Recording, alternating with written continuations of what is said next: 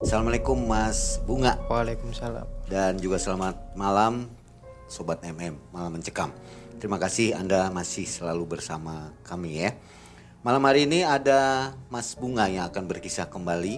Ini adalah kali kedua Mas Bunga berkisah kepada kita. Mas Bunga, aktivitas masih seperti dulu? Masih, Mang. Saya lupa apa tuh dulu tuh. Masih kerja di rumah sakit, Mang. Di rumah sakit ya? Di bagian apa itu? Sanitasi, Sanitasi. Pengelolaan limbah. Oke, baik. Dan kisahnya ini terjadi di tahun 2010. Betul. Waktu itu Mas Bunga pergi memancing di sebuah pantai ya, Muara lebih tepatnya, Mang. tepatnya Muara ya. Dan temannya itu hilang secara misterius. Bagaimana kisahnya nanti kita simak bersama. Dan sobat malam mencekam, mudah-mudahan semua dalam keadaan sehat walafiat.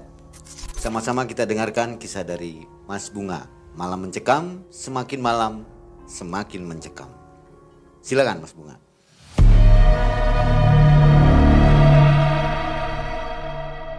Jadi ini, Mang. Kisah ini saya alami di tahun 2010.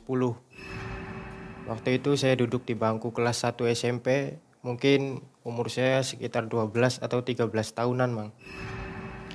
Jadi saya ini punya empat orang kawan dari kecil di rumah maupun di sekolah kami ini main bareng. Empat orang kawan ini saya samarkan semuanya namanya, Mang. Saya, Tommy, Bobby, Aji, dan Ade. Kami ini lima orang.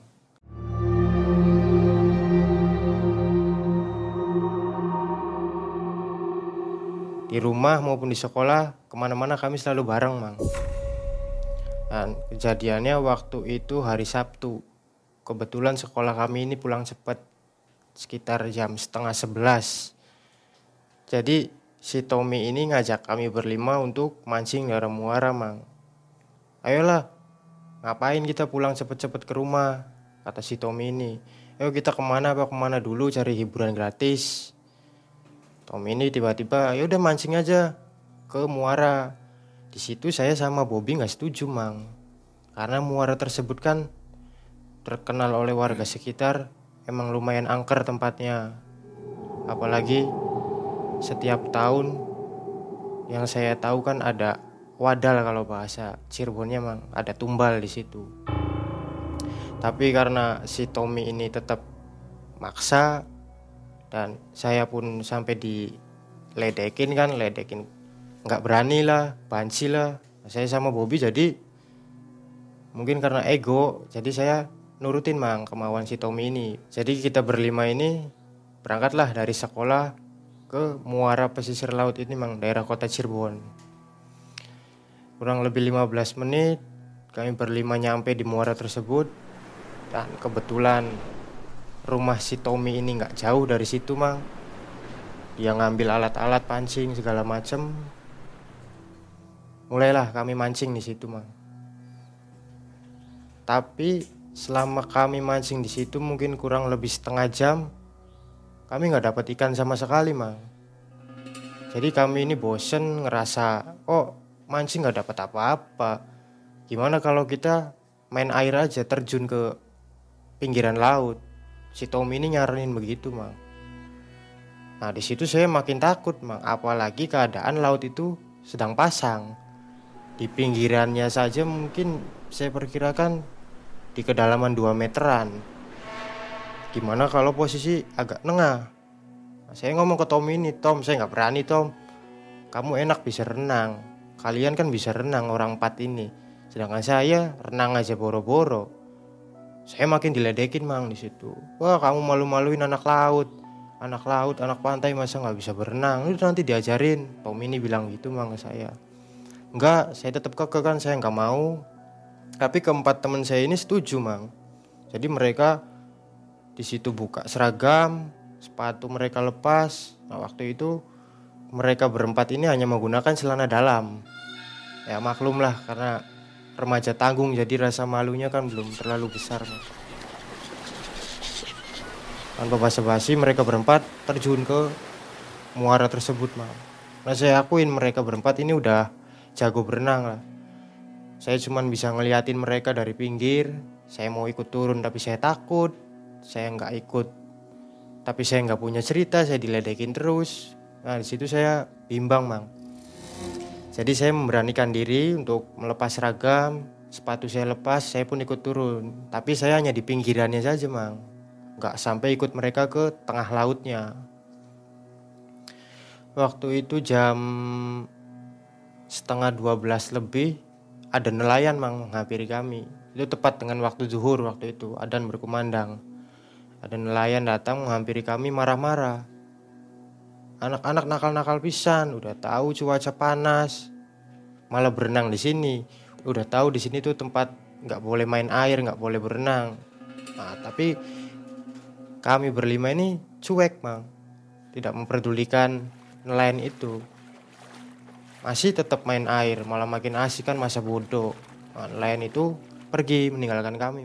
Di sekitar jam 12-an turun azan duhur waktu itu saya kan naik mang posisi saya yang tadinya cuma di pinggiran saya memutuskan untuk naik karena saya emang udah nggak berani lah sama sekali untuk ke tengah saya naik saya cuman duduk-duduk di pinggiran muara itu kan kiri kanannya itu pohon bakau mang jadi saya duduk di situ saya ambil memperhatikan keempat teman saya ini tiba-tiba dari kejauhan saya ini melihat sebuah sosok, tapi sosoknya ini bentuknya hanya rambut, Mang. Jadi bentuknya rambut menggumpal mengapung di atas air, mendekati arah teman saya ini. Saya belum, saya di situ saya belum masih tahu, belum ngomong ke teman-teman saya. Saya cuma perhatikan ini apa, kok kayak rambut tapi jalan, pikir saya, Mang. Saya perhatikan semakin dekat, semakin dekat, rambut ini mendekati teman saya yang namanya Bobby mang. Bobby pun belum sadar di belakangnya ada sosok ini Bobby belum sadar. Ya, saya pun nggak ngasih tahu ke Bobby. Jadi sosok ini itu berhenti di belakang punggungnya si Bobby mang. Sosok ini berhenti, nah tiba-tiba dua sosok rambut yang menggumpal ini turun masuk ke dalam air, diikuti dengan si Bobby ini teman saya ikut turun ke dalam air. Pikir saya waktu itu karena mereka kan jago berenang, mungkin ah hanya bercanda nyelam ke air nanti juga nongol. Pikir saya gitu mah. Tapi kalau saya perhatikan kok anak nggak nongol-nongol lagi. Selang lima menit, mungkin beberapa menit lah. Saya ini ngomong ke Tommy, Tom Bobby mana? Itu masuk ke dalam air nggak nongol-nongol lagi. Tommy, Aji sama Adi ini celingak-celinguk mang. Ikut nyari Bobby. Ya udah gimana jadi coba cari ke bawah. Tiga orang teman saya ini ikut nyelemang ke bawah. Tapi tetap nggak ketemu. Sekitar setengah jam karena kami capek kan. Terus cuaca juga semakin panas. Tiga temen tiga orang teman saya ini memutuskan untuk naik. Kami naik nah kami sam kami menghampiri nelayan yang tadi mang. Kebetulan di situ kan ada pos untuk para nelayan duduk-duduk di situ. Seperti kanu jaring lah. Kami hampiri kami ngomong bahwa teman saya yang teman kami yang namanya Bobby ini hilang tiba-tiba. Lain itu makin marah mang. Saya bilang juga apa? Kalian ini dibilangin susah-susah. Udah saya bilang dari tadi jangan renang di sini jangan main air di sini. Di sini tuh tempatnya angker kalian tapi bandel malah main di sini. Kalau begini siapa yang mau disalahin? Kata nelayan itu sambil marah-marah mang? Udah sekarang kalian pulang ke rumah masing-masing. Nanti teman kalian biar kami yang nyari. Tanpa pikir panjang lagi kami berempat ini menggunakan seragam lagi dan pulang ke rumah masing-masing. Karena jarak dari muara laut ke rumah kita kan nggak jauh mang. Paling sekitar 100 meter atau 150 meter jadi kan jalan kaki deket mang. Saya pulang sampai di rumah mungkin jam sekitar sekitar jam setengah satuan saya nyampe rumah. Ditanya ibu saya habis dari mana? Kok biasanya Sabtu itu pulang cepet? Tapi kenapa sekarang sampai jam setengah satu baru pulang? Ya habis main habis main PS saya bilang mang. Udah sana mandi terus tidur. Nurutlah saya masuk ke dalam rumah saya mandi bersih bersih saya makan habis itu saya tidur mang. Di situ saya tidak ada pikiran gimana teman saya nanti ketemu apa enggak. Ah, pikir saya, lah nanti cariin juga pasti ketemu. Pikir-pikir kami juga gitu, Mang. jam setengah empat sorenya saya ini dibangunin sama ibu saya. Mas mas mas bangun mas. Kenapa mak? Saya bilang. Itu si Bobby katanya hilang. Katanya tenggelam di muara main main air berenang berenang sama kamu kamu ikut ikutan berenang. Ibu saya sedikit membentak mang. Ibu itu dapat info dari mana? jadi warga udah Udah heboh. ya jadi warga ini dari siang udah heboh mang dengan kehilangan si Bobby ini. Jadi ibu membangunkan saya ibu juga ngasih tahu itu Bobby katanya tenggelam di laut. Bener terenang sama kamu bener berenang sama kamu. Saya pun iya coba sana dilihat ketemu apa belum. Jadi saya pun dari rumah langsung ke arah rumah Bobby mang. Di situ emang udah rame warga. Situ bener-bener rame mang. Omongan orang juga macem-macem kan. Ada yang katanya jadiin tumbal ada yang katanya ditarik buncul. Muncul apa mas? jadi buncul tuh hantu air mang urban legend di kota Cirebon. Yaitu wujudnya sih seperti kepala yang berambut panjang tapi mengapung di atas air. Sore itu saya ke rumah Bobby di situ orang tuanya sudah histeris mang. Ibunya udah nangis nangis dan saya sama orang tuanya termasuk warga juga langsung bergegas ke arah muara untuk memastikan. Di situ juga terdapat tim SAR sampai Pol Airut waktu itu ikut bantu nyari mang. Tapi tetap di hari pertama itu nggak ada jejak bahwa keadaan Bobby ini di mana dan gimana belum diketahui sama sekali di hari pertama itu. Malam harinya saya dan ketiga teman saya ini dikumpulkan lah mang di rumah si Bobby. Dikumpulkan, di situ saya disidang, ya lebih tepatnya bukan disidang tapi saya ditanya-tanya kronologinya bagaimana, cerita awalnya bagaimana bisa berenang di situ sampai hilang. Saya ditanya-tanya, di situ kan ada sesepuh desa, ada orang tua ada orang tua kita juga hadir di situ. Sesepuh desa ini mungkin karena memang dikenal orang yang paham dengan hal seperti itu, dia memastikan bahwa teman saya Bobby ini diambil oleh makhluk goib, Mang, penunggu muara laut tersebut. Ya udah kata sesepuh desa ini, nanti diikhtiarin, nanti diusahain gimana caranya si Bobby bisa dibalikin. Hidup ataupun mati, itu kata sesepuh desa mang. Besok harinya itu hari minggu. Nah, hari minggu ini pagi-pagi sama mang kondisi kampung ini masih rame. Jadi warga ini berbondong-bondong ke arah muara laut tersebut. Jadi ingin memastikan udah ketemu belum udah ketemu belum.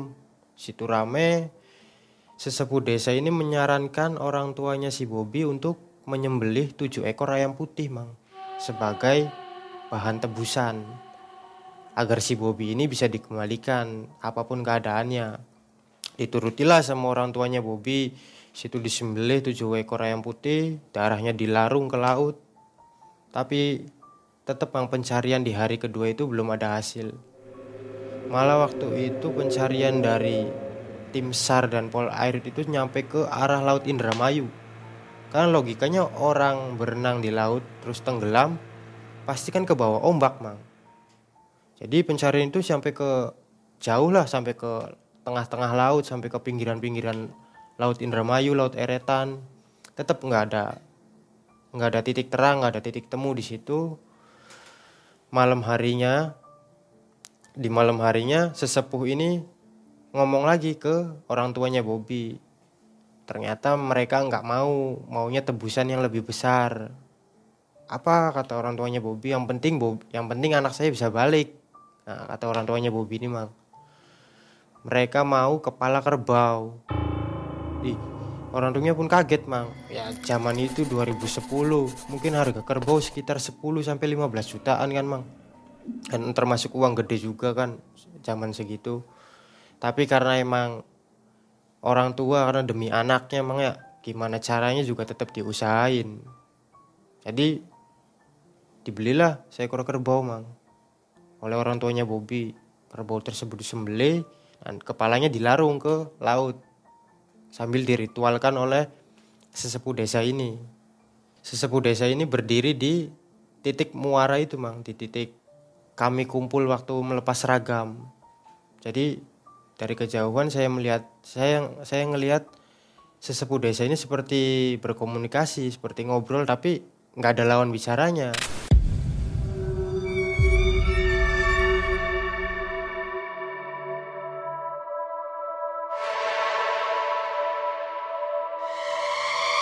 Jadi sekitar lima menit sepuh desa ini kembali menghampiri rombongan warga dan orang tuanya Bobi yang ada di yang ada di situ. Nanti sebentar lagi dikembaliin. Telat-telatnya nanti malam atau besok pagi saat masuk Selasa Kliwon. Sesepuh desa meyakinkan bahwa Bobi bisa pulang apa pun keadaannya, tapi nanti ketika hari masuk ke hari Selasa Kliwon. Senin malam pencarian masih tetap dilakukan mang sampai itu emang warga dan para pemuda juga ikut turun ikut nyelam ke bawah air itu tetap nggak ketemu. Dan saya pun nggak ngikutin waktu itu karena saya masih kecil emang. Saya pulang ke rumah. Besok paginya tepat hari Selasa saya ini dikagetkan dengan teriakan-teriakan orang dari luar rumah. Jadi teriakannya Bobby ketemu, Bobby ketemu. Teriakannya seperti itu, Mang. Saya pun keluar, saya nanya, ada apa, kenapa? Itu Bobby ketemu, tapi udah meninggal. Kata warga desa tersebut, Mang. Jadi saya pun tanpa mandi lagi, saya bergegas lah ke arah rumah Bobby. Di situ memang udah rame, Mang. Orang tuanya pun udah seneng. Kami sama-sama jalanlah ke muara untuk memastikan bahwa iya bener nggak si Bobby ketemu ini dan di situ bener mang anehnya lagi temen saya si Bobby ini ketemunya di titik dia tenggelam mang. Jadi nelayan yang nelayan yang menemukan si Bobby ini udah udah dalam keadaan meninggal. Tapi ketemunya itu di titik pas dia terakhir saya lihat dia tenggelam itu di titik itu. Kan saya aneh masa orang tenggelam di laut kok di situ-situ aja kok nggak sampai ke bawah ombak anehnya waktu jasadnya si Bobby ditemuin ini ukurannya memanjang fisiknya mang. Bukan seukuran anak-anak seumuran saya. Jadi saya jadi seperti orang dewasa. Nah, saya pun di situ kurang paham kan. Yang intinya jenajah nggak bau hanya pucat pasti dan ukurannya memanjang. Nah pikir saya ya udahlah yang penting udah ketemu. Situ pun rame jenazah pun dievakuasi dimasukin ke kantong jenazah dibawa oleh ambulan mang untuk entah mungkin diotopsi apa dicek saya kurang paham kan. Itu dibawa ke RSUD sore harinya jenazah dikembalikan ke rumah duka. Jenazah dikembalikan ke rumah duka udah siap untuk dilakukan proses penguburan bang jenazah udah rapi sore hari sore sore hari itu dilakukanlah proses penguburan di tempat pemakaman umum yang nggak jauh dari desa kami. Alhamdulillah proses penguburan berjalan lancar. Sampai tiba waktunya malam hari itu tahlilan hari pertama. Jadi saya ikut tahlilan Mbak Daisha itu saya ke rumahnya si Bobby. Situ kan banyak orang lah desas-desus kabar burung kan banyak yang ngomong Bobby ini diambil oleh siluman Bobby ini dijadiin tumbal macam-macam pokoknya omongan orang waktu itu mang. Tahlilan dan doa bersama kelar kurang lebih jam 8 malam waktu itu. Sebagian orang pun meninggalkan rumah almarhum dan pulang ke rumah masing-masing. Tapi saya nggak langsung pulang waktu itu mang. Saya nggak langsung pulang saya dipanggil oleh sesepuh desa.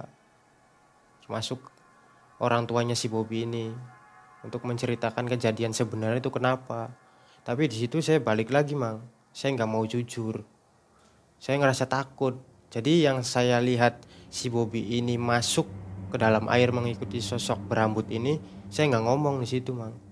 Saya cuma ngomong saya nggak tahu, saya nggak ikut berenang di tengah, saya cuma di pinggir. Terus sesepuh desa ini ngomong ke saya gini mang, sebenarnya yang mau diambil itu bukan Bobby, tapi kamu. Lah saya kaget. Kenapa saya, Bah? Jadi bener nggak kamu lahirnya di hari Selasa Kliwon? Kalau itu saya kurang paham. Tapi emang bener, saya lahir di hari Selasa. Tapi pasarannya saya nggak tahu. Nah Kliwon, tak pahing, saya nggak tahu karena saya masih kecil kan waktu itu mang. Iya kamu lahirnya di hari Selasa Kliwon. Nah, di kepercayaan orang Jawa kan orang yang lahir di hari itu disukai oleh makhluk halus mang. Jadi makhluk halus itu ingin mengambil gitu manusia yang lahir di hari Selasa Kliwon. Tapi kenapa nggak jadi kamu yang diambil? Karena sesepuh ini yang menjelaskan emang. Ya, ini mohon maaf, sesepuh ini ngomong gini ke saya. Kamu ini masih punya keturunan pendiri Cirebon dari keraton Kanoman. Maka dari itu bukan kamu yang diambil, teman kamu lah yang diambil sebagai gantinya. Nah, saya pun nggak terlalu memikirin, nggak terlalu berpikir yang gimana-gimana. Yang penting emang ini mungkin udah takdir kan teman saya juga udah ketemu. Misah lah saya dari rombongan orang-orang yang di depan rumahnya itu saya misah. Saya di samping saya duduk-duduk di samping rumahnya si Bobby ini mang. Saya duduk-duduk di situ. Dari kejauhan telinga saya ini mendengar suara kerincingan kereta mang jadi suara cering cering cering cering cering cering cering saya perhatikan ini kok seperti suara kereta.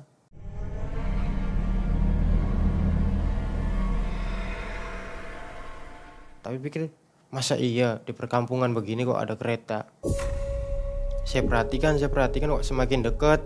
Benar saja, Mang. Situ tiba-tiba di depan rumahnya almarhum ini berhentilah sebuah kereta kencana, Mang. Tapi yang saya anehnya di situ orang-orang biasa aja, Mang. Seperti nggak melihat apa-apa. Di situ saya mau teriak nggak bisa, mau ngomong nggak bisa, saya cuma merhatiin ini apa, ini nih yang saya lihat apa kan. Jadi kereta ini bentuknya seperti Paksi Nagaliman. Jadi kereta kencana yang Cirebon. Hanya saja bedanya kalau Paksi Nagaliman kan kepalanya kepala naga, kalau ini kepalanya kepala buaya, Mang. Kepala buaya putih. Dan di kereta kencana itu ada sosok wanita berpakaian hijau-hijau. Di kanan kiri keretanya itu saya lihat ada beberapa orang seperti pengawal kerajaan seperti itu mah sambil bawa tombak di kanan kirinya saya saya perhatikan kok mereka siapa nah sosok wanita ini turun mang dari atas kereta sosok ini turun lalu masuk ke dalam rumahnya si almarhum di situ orang-orang masih biasa aja, Mang. Seakan tidak melihat apa-apa. Saya perhatikan selang lima menit sosok ini keluar lagi, Mang, dari dalam rumah. Keluar lagi. Di situ di sampingnya sosok tersebut ada teman saya si Bobby, Mang. Jadi seakan-akan si Bobby ini dijemput dari dalam rumah. Jadi mereka keluar dari dalam rumah, naik lagi ke atas kereta. Nah, teman saya ini ikut, Mang ikut naik ke atas kereta tersebut. Saya mau manggil nggak bisa saya mau teriak nggak bisa. Di situ saya cuman bisa dibilang saya juga cengok kan. Saya ini apa yang saya lihat? Tapi berjalannya waktu apa kereta dan sosok-sosok tersebut pergi mang meninggalkan depan rumahnya Bobby pergi dan di diikuti suara kerincingan tadi. Yang pergi begitu saja. Setelah itu saya pun tanya mang. Saya saya baru sadar. Saya pun tanya ke orang-orang yang nongkrong di depan yang ngobrol-ngobrol di depan rumahnya Bobby tadi. Mang tadi lihat kereta enggak? Saya bilang gitu kan wah kereta apa? Ngaco. Kamu ngantuk kamu tuh sana pulang. Saya malah dikituin mang. Berarti saya kan pikir saya ah berarti emang saya cuman saya yang lihat. Berarti mereka ini nggak lihat. Tapi ah lah bodoh amat lah pikir saya. Saya pun pulang ke rumah. Saya tidur. Malamnya ini saya ketemu mang dalam mimpi sama almarhum sama si Bobby ini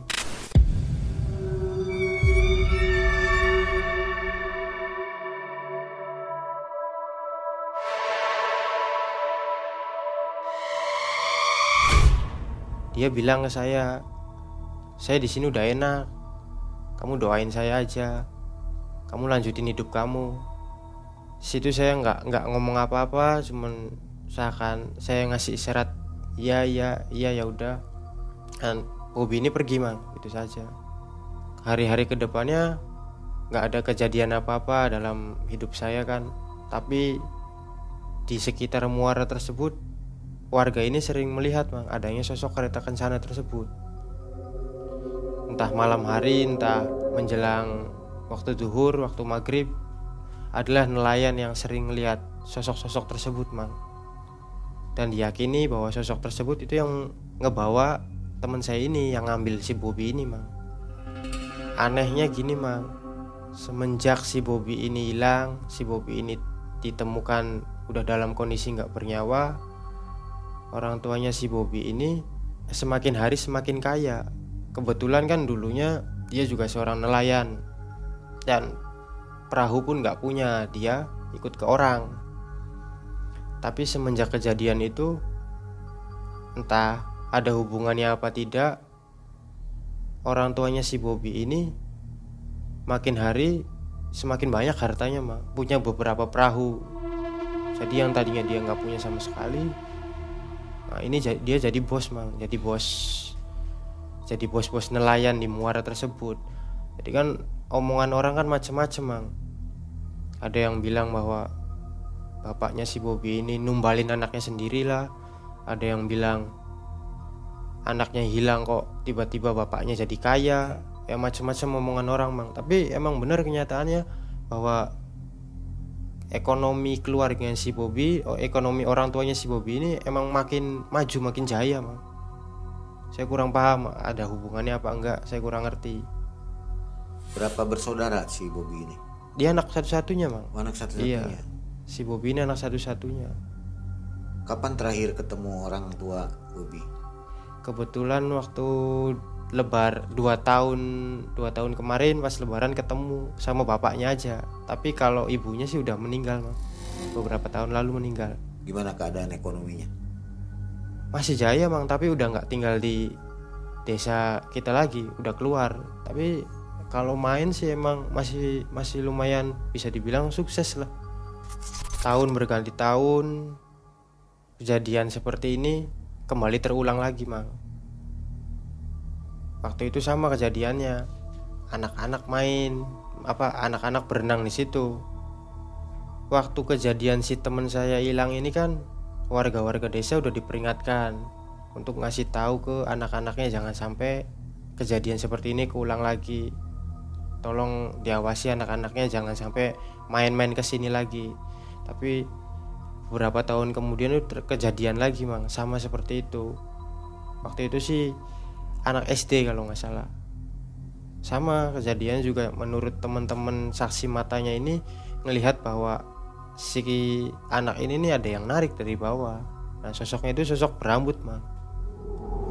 Tapi bedanya anak ini ketemunya jauh. Jadi waktu teman saya kan ketemunya di titik dia tenggelam titik dia hilang kalau anak ini ketemunya jauh mang. Jadi ditemukan oleh nelayan yang lagi menjaring ikan jadi ternyata mang setelah ditelusuri kenapa kok hampir setiap tahun di situ ada korban ada orang yang tenggelam jadi tempat itu muara itu tuh sepenglihatan orang yang bisa melihat punya kelebihan di situ tuh ada gerbang dimensi gaib mang. Jadi yang menghubungkan antara alam kita dan kerajaan di sana. Jadi apa namanya di situ itu memang sebenarnya sudah dilarang ya untuk iya, berenang iya betul. tapi masih pada ngotot anak-anak Iya. di situ. Harusnya dikasih rambu-rambu mungkin ya. Ada mang. Sampai sekarang? Iya sampai sekarang ada. Oh ada tulisan Ada dilarang tulisannya, berenang iya. dilarang memancing. Mm-mm. kalau mancing masih boleh tapi kan rata-rata orang sudah berumur mang yang mancing di situ kan. Kalau anak-anak nggak ada yang berani. Tadi ini Mas Bunga kan keturunan dari keraton Kanoman ya? Iya mang. Tadinya mau diambil ternyata Iya. enggak itu kenapa ya kalau sih ada yang membentengi mang. Dirasakan oleh Mas Bunga? Nggak- saya nggak ngerasa sama sekali sih mang. Cuman kan waktu itu saya belum tahu saya siapa orang tua saya siapa saya turunan dari mana saya belum tahu waktu itu karena masih kecil juga kan mang. Saya tahunya setelah usia saya sekitar 17 tahunan. Saya di situ dikasih tahu sama bapak saya. Berarti kan oh benar berarti yang kata sesepuh desa berarti saya ada darah ke sana tuh benar gitu Kalau menurut Mas Bunga, si Bobby ini tadi udah enak hidupnya ya. iya. Maksudnya seperti apa ya? menurut penuturan sesepuh desa ini Bobby ini di sana dinikahkan mang oleh anak penguasa laut kerajaan sana. Katanya seperti itu.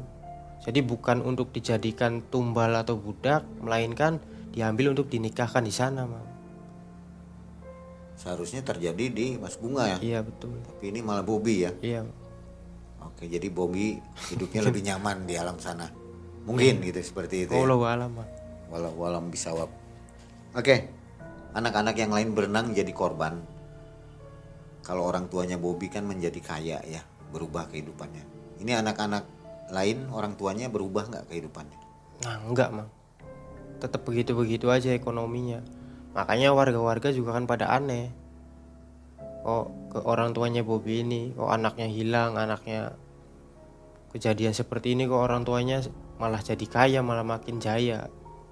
Situ kan jadi desa seseorang mang.